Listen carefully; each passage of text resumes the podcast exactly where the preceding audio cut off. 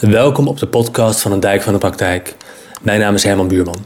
Vandaag ben ik in gesprek met creatieve duizendpoot Hester Macrander. Over hoe je je eigen veelzijdigheid kunt gebruiken om succesvol te zijn als ondernemer. En over het belang van spel in je werk.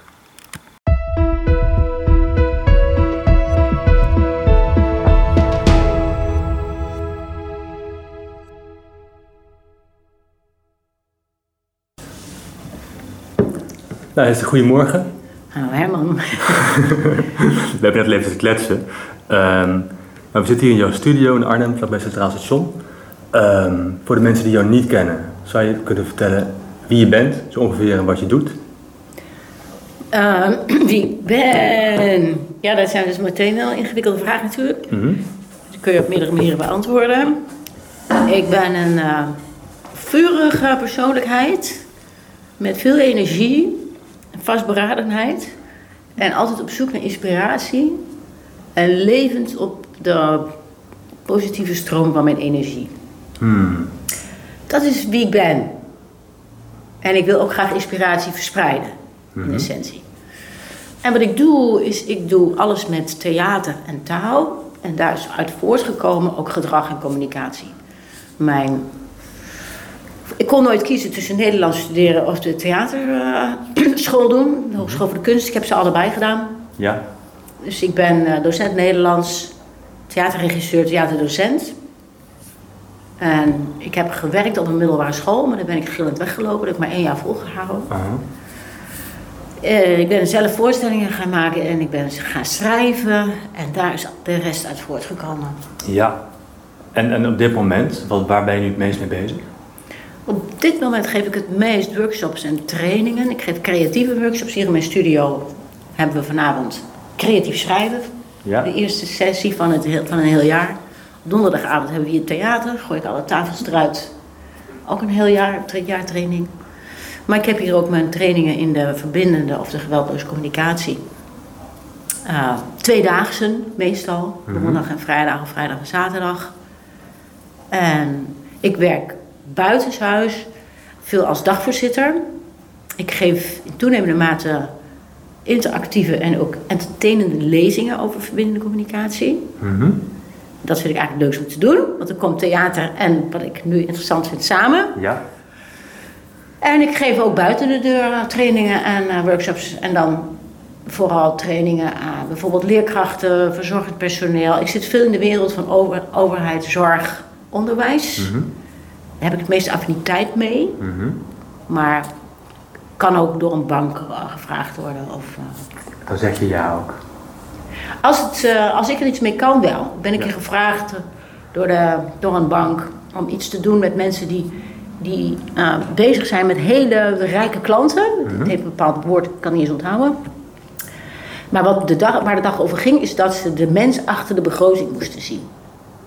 Ja. Daar, daar kan ik wat mee. Ja. Maar ik kan niks met de, met de begroting. Ja. Dus dan kijk ik wel, waar gaat, waar gaat het over? Ja. Ik ben ook een keer gevraagd door Arcadis om iets te, een dag te leiden over bodembeheer. Ja. En toen eh, heb ik eh, me- geprobeerd, ik zei nou stuur maar iets op over wat dat is. Ik kwam niet eens door de eerste bladzij heen. Dus ik heb gezegd, jongens, ik vind dit zo saai. Dit, dit, dit gaat niet werken. Nee. Dus het moet wel passen. Ja, precies.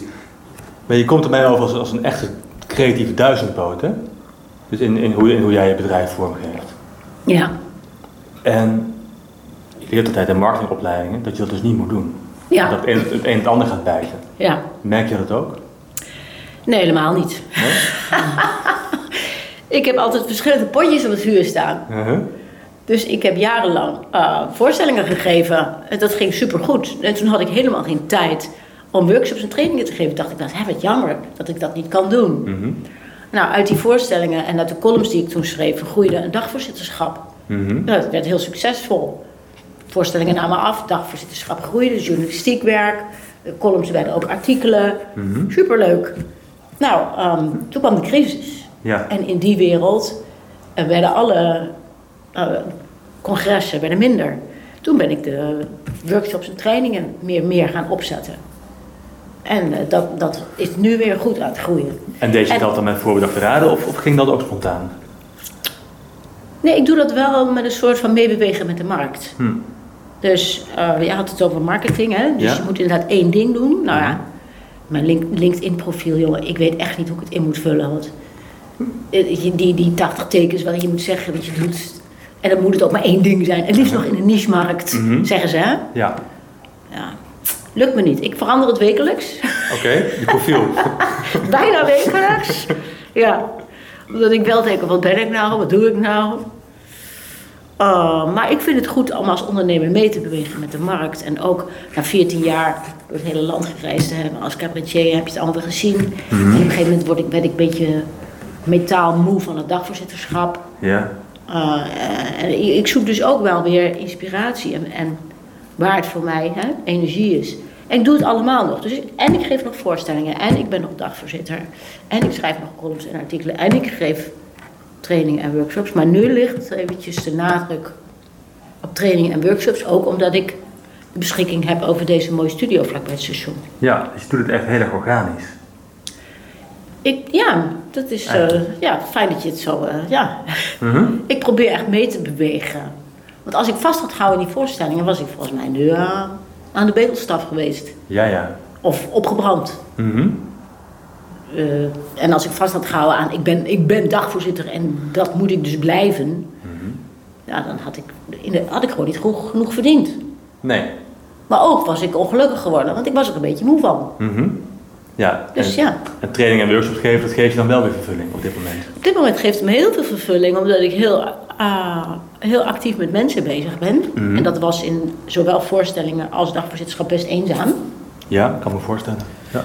Uh, en nu heb ik heel erg veel uh, verbinding met mensen. En dat vind ik heel vervullend. Mhm. En wat ik super leuk vind, is dat ik, uh, ook al ben ik al relatief oud, hè, 56, dat ik weer zo volop ontwikkel. Mm. Dus lees en leer en ook weer uh, trainingen ga doen om te leren. En dat geeft me zoveel plezier, dat mezelf blijven ontwikkelen. Mm-hmm. Is dat dan wat voor jou op nummer 1 staat? Want je kunt een bedrijf op verschillende manieren benaderen. Je kunt zeggen, ik ga voor het geld, dat is heel legitiem. Mm-hmm. Of ik ga voor een, voor een missie in de buitenwereld. Of, dat hoor ik jou een beetje zeggen, ik ga voor mijn persoonlijke ontwikkeling, dus voor een missie in mezelf. Hoe is dat voor jou? Nou, ik weet niet of het, het is natuurlijk wel een beetje en en en, want uh, ik wil sowieso genoeg geld verdienen om, om van te leven en ook een beetje goed van te kunnen leven. Ik uh, wil heel graag uh, iemand zijn in de buitenwereld. Mm-hmm. ja. ik weet nog niet of dat nou echt inspiratie is en bijdragen, of dat er ook nog een stuk ego is dat zegt van hallo, hersenen kan ook iemand zijn. Ja. En ik heb het nodig om mezelf te voeden om weer iets te kunnen doen. Dus ik ben echt een omzetter. Uh, nou ja, mijn derde, die derde poot waar jij het over had, die eigen voeding. Mm-hmm. Ik heb wel als hoogste doel zo wijs mogelijk te sterven. Ja. Dus dan zou je kunnen zeggen, dat zou dan het belangrijkste doel zijn. Mm-hmm. En ik heb mijn hele leven al van genoten om dat wat, alles wat ik leer op te zuigen en om te zetten. Ja, en om te zetten in iets waar andere mensen wat mee kunnen? Ja. Ja. Dus als ik drie balletlessen had gehad, Mhm. dan maakte ik weer een dansje. En dan moest iedereen naar mijn opvoering komen kijken. Oké.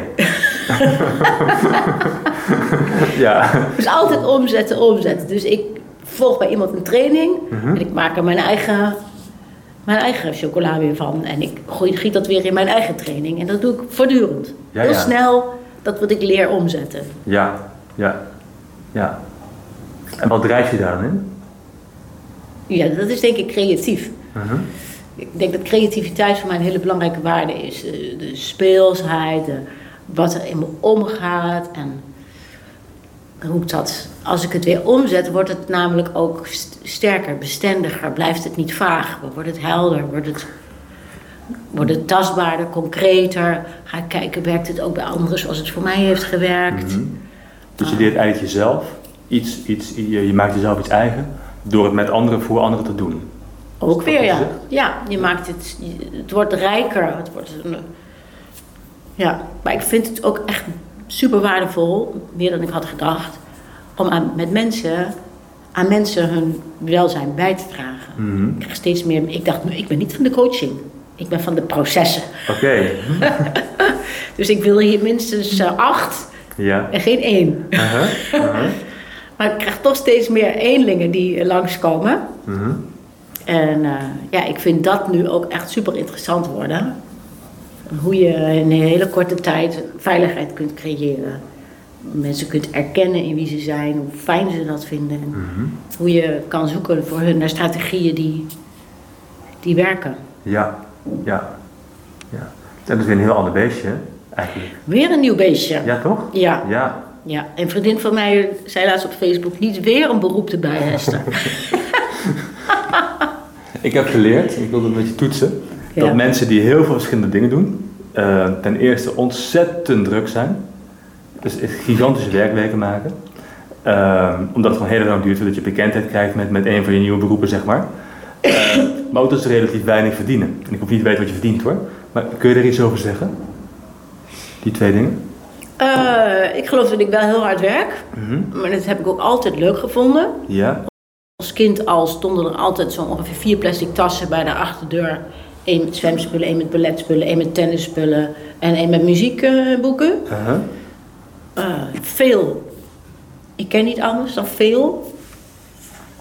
Eh, en ik ben inderdaad wel heel druk. Ik kan s ochtends opstaan en dan eh, meteen teksten lezen van mensen in mijn schrijfcursus eh, re- en redigeren, terugsturen. Ja, ja. Echt direct. En Ja, eh, dat gaat tot s'avonds 11 uur door.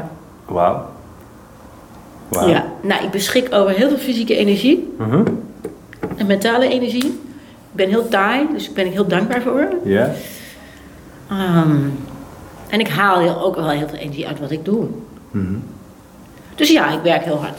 Ja. En relatief gezien denk ik dat ik inderdaad ten opzichte van de hoeveelheid eh, werk die ik verzet, weinig verdien. Oké. Ja. Dus ik denk dat je in theorie wel klopt. Uh-huh. Ja. Maar dat houdt je niet tegen om te blijven doen wat je doet. En nee, nee, ik werk liever meer voor minder geld dan dat ik minder doe voor veel geld. Moet ik even over nadenken. Ik doe liever veel voor minder geld, Ja? met plezier. Dan dat Ja. ik bijvoorbeeld hoge tarieven zou vragen en op één ding in zou zetten, Mhm. waardoor ik wellicht twee interessante klussen per week heb. Ja. Waardoor je de rest van de week zit te duimen draaien. Ja, of kan gaan wandelen, of eh, ja, ook leuk hoor. Mhm. Dat doe ik ook, maar nee, ik, ik krijg het er benauwd van. Dat trek je niet aan. nee. En heb je dan, als je 11 uur per dag werkt, en dat dat is een beetje iedere dag van doet, neem ik maar even aan, heb je dan een tijd van privéleven? Of, of ben je niet geïnteresseerd in het privéleven? Eh, ja, dit is voor mij een hele lastige. Oh. Ja, ambitie, eh, of ja, ik noem het ambitie, klinkt negatief, maar ja, lekker in de wereld bezig zijn, dat is voor mij eh, heel belangrijk. En toen ik kinderen kreeg, dacht ik wel, oh fijn, nou kan ik niet meer de hele dag alleen maar met mijn werk bezig zijn. Dus mijn kinderen beschermen mij tegen mijn eh, Workaholicheid. achtige, ja. Dus, eh, maar goed, ik werd wel laptopmoeder hoor. De laptop ging altijd mee, dus in zwembaden, speeltuinen, pretparken. Dan was het van, ik zit hier jongens. Mama gaat werken. Eh, dus ik heb wel daar ook alweer het maximale uitgesleept. En eh, ik heb nu sinds een paar maanden een nieuwe vriend. En ik dacht al, oh, hoe pas ik dit in? Dus ehm, dat heeft. ik maak nu echt ruimte in mijn leven om met hem te kunnen fietsen. eh, met hem te kunnen wat avonden vrij te hebben. En Ja. wat min- minimaal één dag in het weekend vrij te hebben. Ja, ja. Ja, en is dat echt een offer voor je? Moet je erover nadenken? Eh, dan moet ik waarden afwegen. Oh ja, Ja, dat zeg je mooi.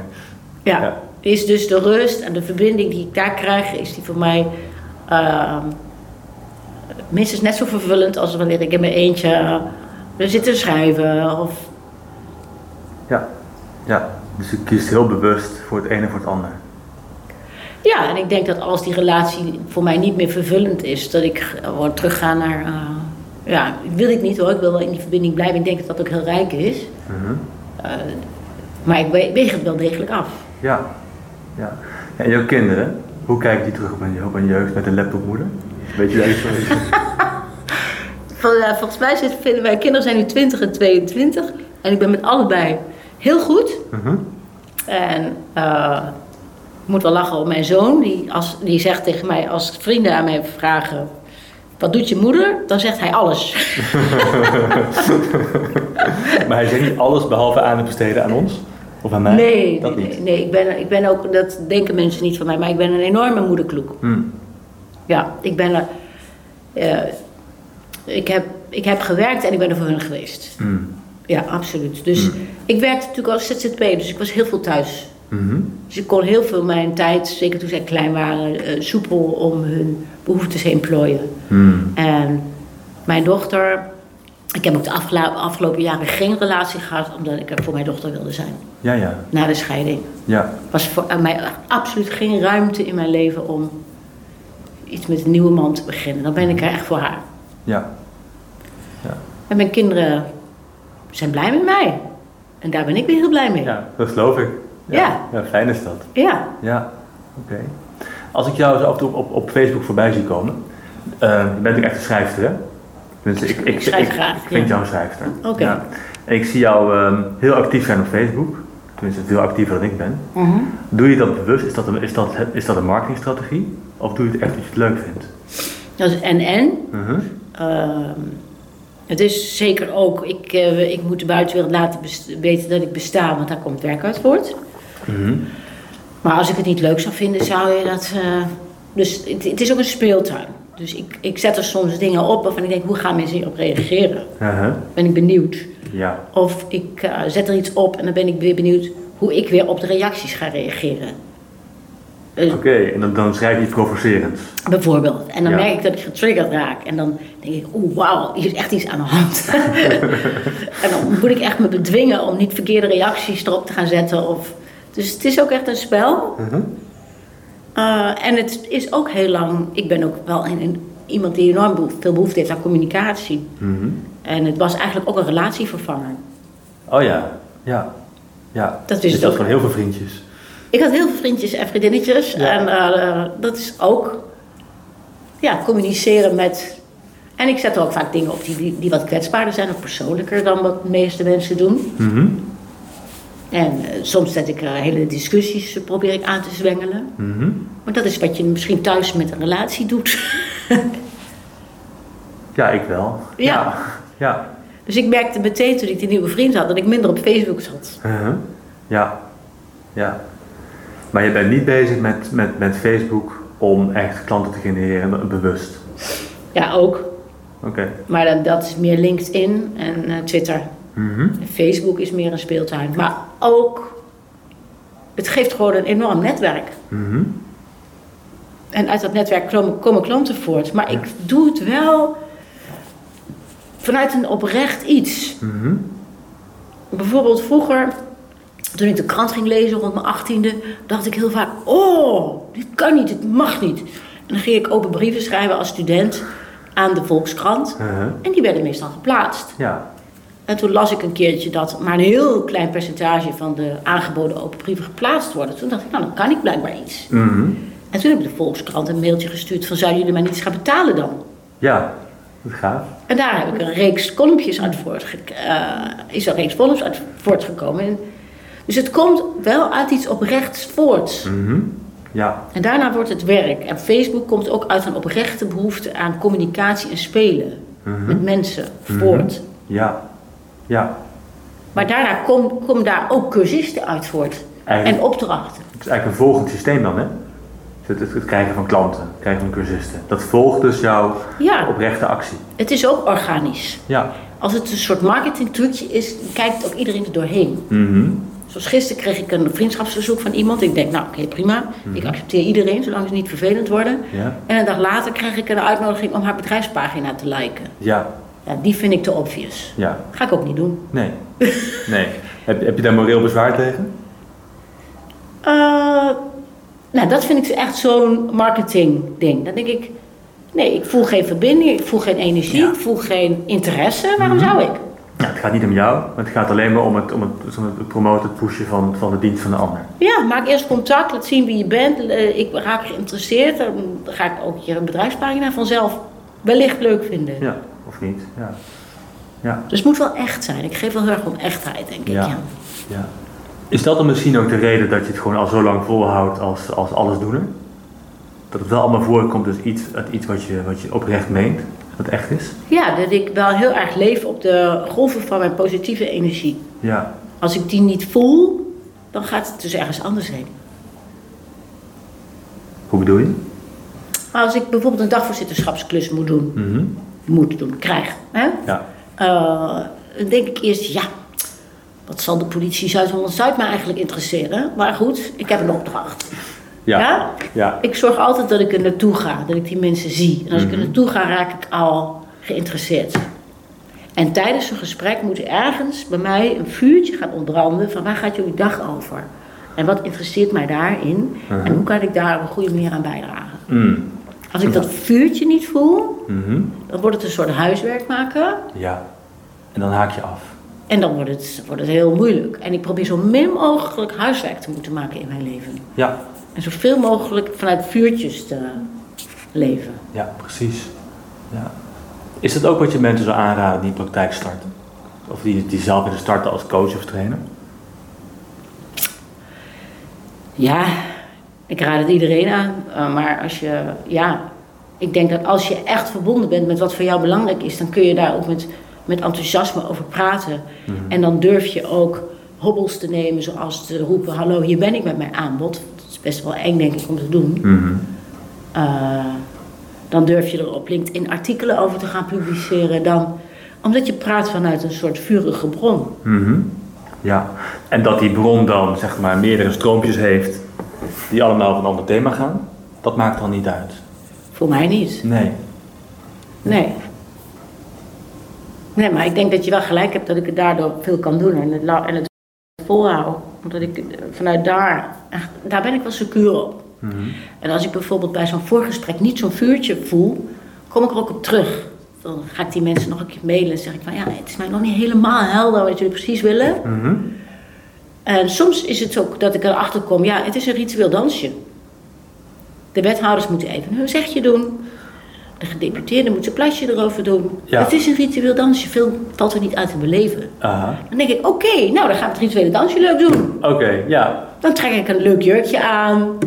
En dan ga ik een paar grapjes maken die net binnen de lijntjes kleuren. Ja. En dan weet ik, dat meer is ook niet te halen hier. Mhm. Ja. Ga ik ego strelen, ga ik zeggen, goh, eh, wat heeft ze dat goed aangepakt. Ja, ja. Oké. Ja.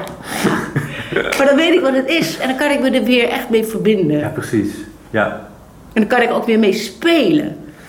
Maar dat is dan wat je leuk vindt. Het, is, het gaat over een spel. Want ik kan me ook voorstellen dat je als dagvoorzitter zegt: nee, weet je, dit, dit ga ik dus echt niet doen. Want het, dit, is niet, dit heeft niet de, zeg maar, de echtheid of de, de, de lading die, ik- die ik wil geven aan mijn werk. Maar dan hoort bij jou ook een element van, van spel en plezier maken. Altijd. Ja. Ja. Ja. Ik vind ook een van de mooiste uitspraken van Marshall Rosenberg van de geweldloze communicatie: Don't do anything if it isn't play. Hester, dankjewel. Oké. Cool. Goed.